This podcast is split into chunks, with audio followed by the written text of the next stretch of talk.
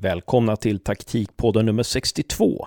Den här gången pratar vi om Portugal-Sverige som slutade 3-0 i Nations League. Vi på taktikpodden tycker att den matchen blev alldeles för dåligt analyserad av media. Så nu går vi djupare än någon annan gjort och analyserar Janne Anderssons landslag modell oktober 2020. John Wall menar att Jannes landslag befinner sig i ett övergångsstadium. Vi går från det gamla sättet att spela mot ett nytt sätt att spela. Han menar också att de spelare Janne har till sitt förfogande nu borgar för en mycket starkare trupp än den vi ställde upp med i VM för två år sedan. Men John Wall är kritisk. Vi kan inte spela så här reaktivt. Då kommer vi bara skapa en till tre målchanser per match. Och ska man spela mot Portugal så kan man inte stå och hoppas på att Portugal gör misstagen. För Portugal gör inte så många misstag, utan vi måste provocera fram misstag. Dessutom anser John Wall att mittfältet är alldeles för centrerat och att forwards används alltför ofta felvända som bollmottagare. Det och mycket mer tar vi fram i dagens taktikpodden nummer 62. Håll till godo! Då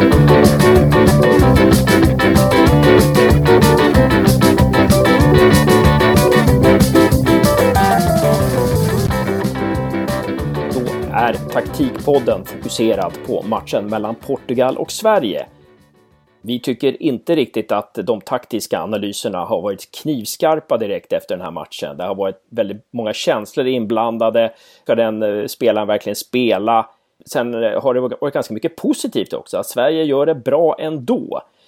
Och eh, vi kommer till de positiva sakerna. Men jag tänkte faktiskt börja med det här med, med att slå an en ton. Men innan jag gör det, en lite negativ ton tänkte jag slå an. Men innan jag gör det ska jag vara positiv och presentera mina medkombatanter här.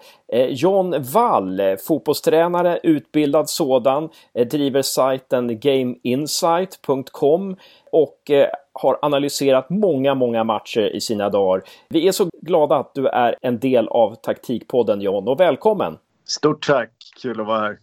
Och Josef som pluggar nere i Växjö, Linnéuniversitetet i Växjö och är snart klar med sin kandidatexamen i Sports Science. Välkommen Josef! Tack! Det är kul att vara med tycker jag också. Ja, och då ska vi prata om Portugal-Sverige här. Ibland när journalister analyserar eller ska prata ner en landskamp så blir det väldigt många känslor. Det blir väldigt eh, personfokuserat och det blir inte så mycket taktiskt. Så det ska vi råda bot på här i den här taktikpodden nummer 62. Det första jag ska slänga in här nu så får vi se eh, hur John och Josef kommenterar det. Jag tycker att det är lite loser-mentalitet hos många journalister som bevakar eh, Sveriges match här. Alltså att det här snacket om att ja, vi kommer aldrig rå på Portugal och det är så här när det ser ut när vi möter de bästa i världen. Alltså håller man på att resonera så då kan man ju lika gärna lägga ner svensk fotboll och jag hoppas verkligen inte att man tänker så på Svenska Fotbollförbundet och det tror jag inte. Alltså kan Holland och Grekland vinna EM så kan Sverige göra det. Helt klart. Men jag skulle säga att ett av de största misstagen i den här matchen från svensk sida, det var fel attityd. Man kan spela modigt det är bra att man spelar modigt, men man behöver inte spela idiotiskt. Alltså 2-0 målet, Portugals 2-0 mål, det är ju ett resultat av bedrövligt försvarsspel. När Jota får bollen i kamp med, tror jag, fyra svenska försvarare som står och eh, vinkar på offside. Alltså det, det, det, det är så dåligt försvarsspel så att till och med Färöarna hade försvarat bättre än Sverige i den situationen. Är man, är man så övertaliga som Sverige var på den ytan så ska inte det målet kunna släppas in. Också på 3-0 är det spelare som försöker, jag ska inte nämna några namn, det, är inte, det behöver vi inte hålla på med här. Men är det spelare som försöker chansbryta på 3-0, alltså eh, i eget straffområde, alltså så, så naivt spelar man inte ens i division 2. Alltså, du följer med din spelare, särskilt om ni är i numerärt överläge på den där ytan. Man kastar sig inte bara som en, som en dåre. Det var ett av de största misstagen från början, fel attityd. Och sen så tycker jag det här med, med fel attityd, det kändes som att man inte var mentalt förberedda riktigt att möta Portugal. För att det var vissa spelare som till exempel Kristoffer Olsson och Viktor Claesson och, och framförallt den förstnämnde. Han, han har ju väldigt bra teknik, men ibland studsar bollen på honom som om han vore en korpspelare. Och så hade han aldrig agerat mot till exempel Norge Eh, så det handlar inte om att han har blivit helt plötsligt liksom 40% sämre utan det kändes som att, ja, fel attityd skulle jag väl säga på, på många sätt. Jag vet inte vad, vad ni säger om det. Jag tycker inte det var något större problem med Sveriges attityd i försvar och anfall utifrån det du lyfter upp. Absolut att man kan, kan vilja ha lite mer fokus där vid 2-0 målet. Jag ser ju mer utifrån ett större perspektiv med övergångsperioden nu med eh, det är lätt att vi fastnar. VM är ju liksom det senaste referensmästerskapet vi har på eh, vårt kära landslag med Janne Andersson. Eh, man gör ju faktiskt den, eh, det goda resultatet utifrån att man spelar extremt disciplinerat eh, försvarsspel. Man är väldigt noggrann i offensiva omställningar. Man uppfyller väldigt många kriterier på ett bra sätt utifrån den tydligt och raka spelstil man har. Och även organisationen har alla de typerna av karaktärsdragen. Nu så är det ju ändå en påbörjan av att Kulusevski har anslutit och börjat konkurrera mer på allvar. Alexander Isak och ändå och Robin Quaison också slagit sig in och det innebär att spelartyperna håller på så sakteliga förändras men har spelsättet och arbetssättet förändras i linje med det? Det är väl den, min stora frågeställning. Och där finns det ju då egentligen en brytning för hur ledarteamet i Svenska fotbollsförbundet eller Svenska herrlandslaget kommer att utnyttja dem på bästa sätt. Men vi har fortfarande en stor brist på Champions League-spelare. Det var ju något jag hade som ingång också inför det här samtalet var det. Framförallt på vår försvarssida. Att eh, vi har ju Nilsson Lindelöf eh, i United som har varit mellan Champions League och Europa League. Men hur kommer det sig att Sverige som land som är kända eh, inom citationstecken att vara bra organiserat, bra försvarsspel eh, har så svårt att eh, fostra bra mittbackar som når Champions League. Det håller jag med om. Om vi tittar på senaste matchen så har vi då AIK, Brentford, Manchester United och FC Köpenhamn representerade. Och det innebär ju då i praktiken bara ett lag som är av Champions League-kaliber. Även om FC Köpenhamn brukar vara oftast frekvent deltagande där. Men Champions League så är det åtminstone gruppspel och så när att man är ett kvartsfinallag. Når man inte den normen av att man har någonstans fyra till sex sådana typ, eh, den nivån på spelare så kommer det bli jäkligt svårt att hävda sig på den yttersta nationella nivån. Det är ganska elementärt. Det är faktiskt så att nu har USA fler Champions League-spelare än vad Sverige har just för tillfället faktiskt. Vi befinner oss emellan, emellan ett nytt Sverige och ett gammalt Sverige. Ett ganska baktungt Sverige, ett ganska reaktivt Sverige som ska förändras nu och vi befinner oss i den förändringsfasen. Det är därför det kan se ut som det gör. Och Josef, du är inne på det här med, och John också, att ska vi hävda oss så måste vi få in spelare som spelar på den högsta nivån. Det stämmer jättebra, men om vi tar målen till exempel, som, om vi utgår från dem, de mål som släpps in, så kan vi se att det är ju svensk speluppbyggnad som är en direkt orsak till att det sker en omställning för Portugal som de kan nyttja på ett väldigt fint sätt och Bernardo Silva som avslutar till slut. Och utifrån det så är det egentligen bara en backlinje då som spelar med varann och hamnar i tidsnöd gentemot Portugal. Vi, vi kan varken se mittfält eller forwards är direkt aktiva i den speluppbyggnaden för att hjälpa till eller för att liksom vilseleda Portugal tillräckligt. Då behöver vi inte ens blanda in eh, attityd som en möjlig grej. Det är lätt att vi hamnar i det.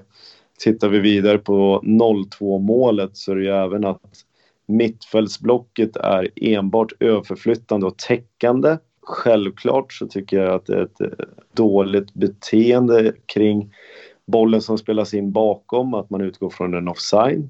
Men det är likväl ett mittfältsblock som inte gör en endaste förflyttning till att sätta press på bollhållaren när egentligen bollen är på väg att slås. Man blir ju också extremt passiv som följd utan man väntar ju bara in ett misstag egentligen genom att minska ytan. Men man pressar ju faktiskt inte motståndaren heller. Mm. Ska vi ta 3-0 på en gång? Vi tar 3-0 och där är ju Sverige är i kontring. Den bryts. Portugal ställer snabbt om och det innebär den individuella genombrottskvaliteten på Diego Jota i det här fallet men att man direkt går från en kontring på kontringen. Och där har man väldigt svårt att justera om. Utan där blir ju egentligen då sista ledet, i det här fallet backlinjen, bara täckande och fallande. Man retirerar till eget, eget mål. Men det, inte blir, det blir aldrig någon som tar itu med bollhållaren, att den faktiskt spelas. Och det är ju väldigt mer tydligt att på den högsta möjliga internationella nivån så krävs det en större spelförståelse hos spelarna. Vad man, att man kan ta bort en spelare i någon fas av spelet för att vinna fördelar. Och där tycker jag det är, om man säger ett vanligt ord, naivt spelande Sverige i det här läget. Det innebär att du är på väg att kontra, du släpper en hel del positioner men det är ingen som tänker försvarsspel i en sån situation. Som jag kan tolka utifrån agerandet. Eh, och det innebär också att laget är inte speciellt kompakt heller, vilket är förmodligen att Marcus Berg får en längre djupledsboll att agera på. Vilket innebär att man har ingen kontakt med de övriga lagdelarna utan det är ett extremt avstånd mellan forward, mittfält och i synnerhet backlinje. Ja, det där är ju superintressant Jan alltså. För då, då, då, du säger att man eh, agerar lite naivt och vad jag tolkar det som, för jag använder också det ordet just på 3-0 målet där. Och där, där sa du då att, att man agerar ganska naivt på bollhållaren. Och, och eh, hur borde man ha gjort istället? Man är egentligen i en eh, ganska obalanserad situation i och med att man är i om jag ska förklara det utifrån en organisationstanke så är det man befinner sig någonstans i ett 4-2-4. För Portugal vinner bollen och genast när man gör det så har man passerat fyra spelare direkt. Och de två centrala mittfältarna befinner sig ju väldigt centralt. Vilket innebär att man attackerar naturligtvis utifrån Portugal-ögon sett den fria ytan som uppstår.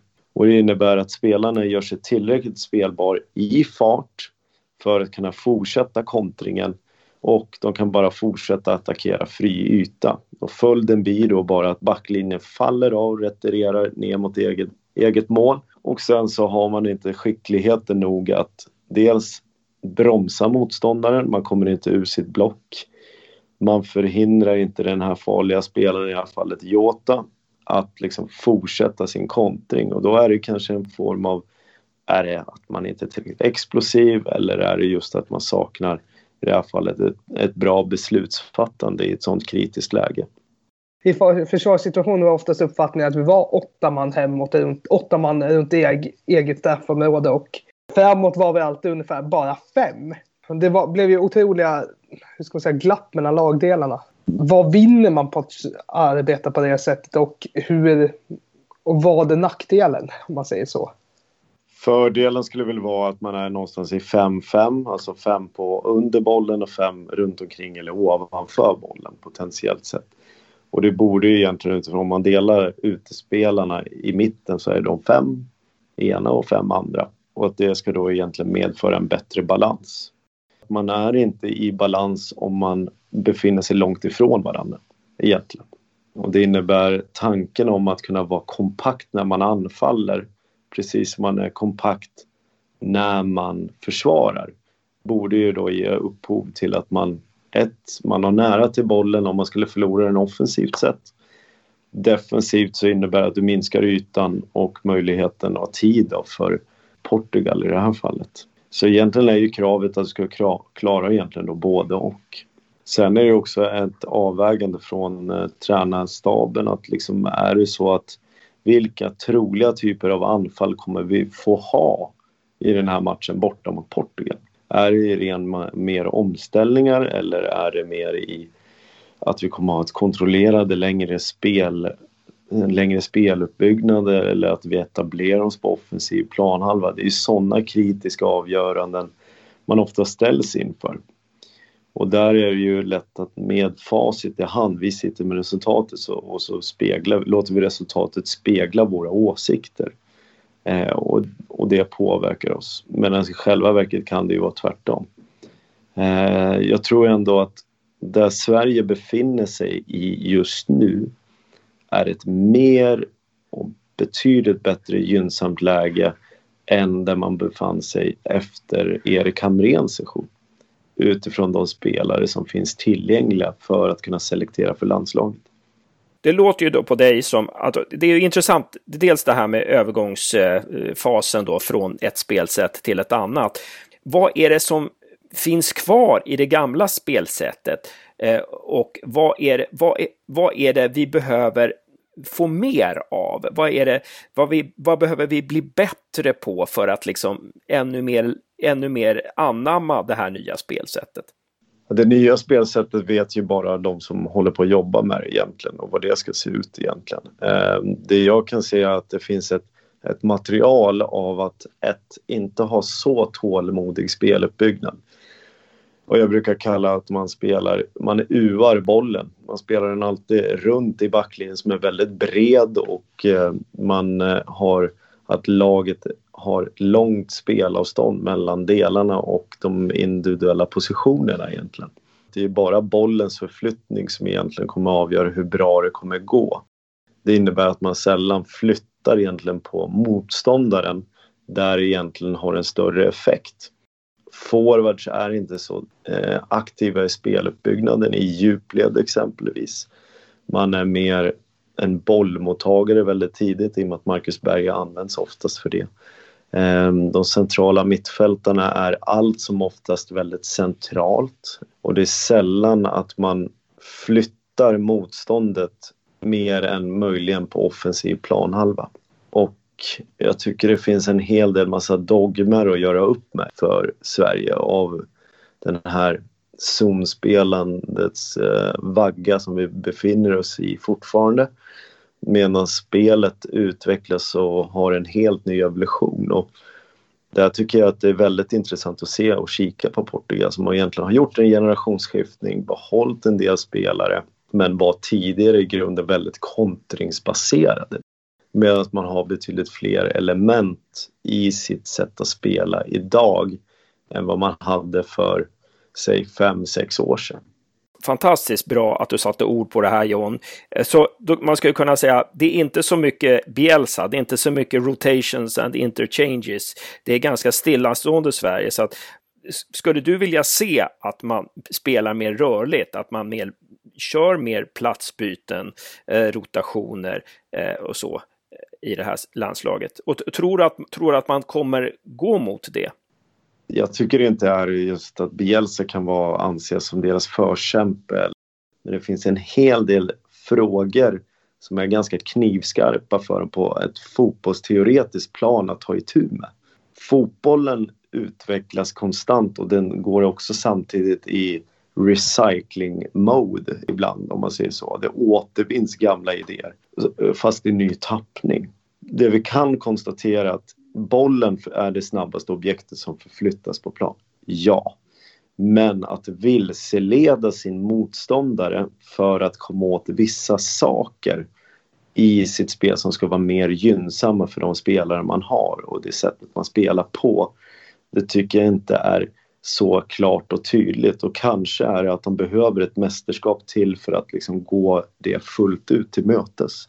För det faktum man har mer tid, man kan ta mycket mer radikala beslut utan att man är rädd för att Olof Lund jagar en för att man inte levererar ett resultat.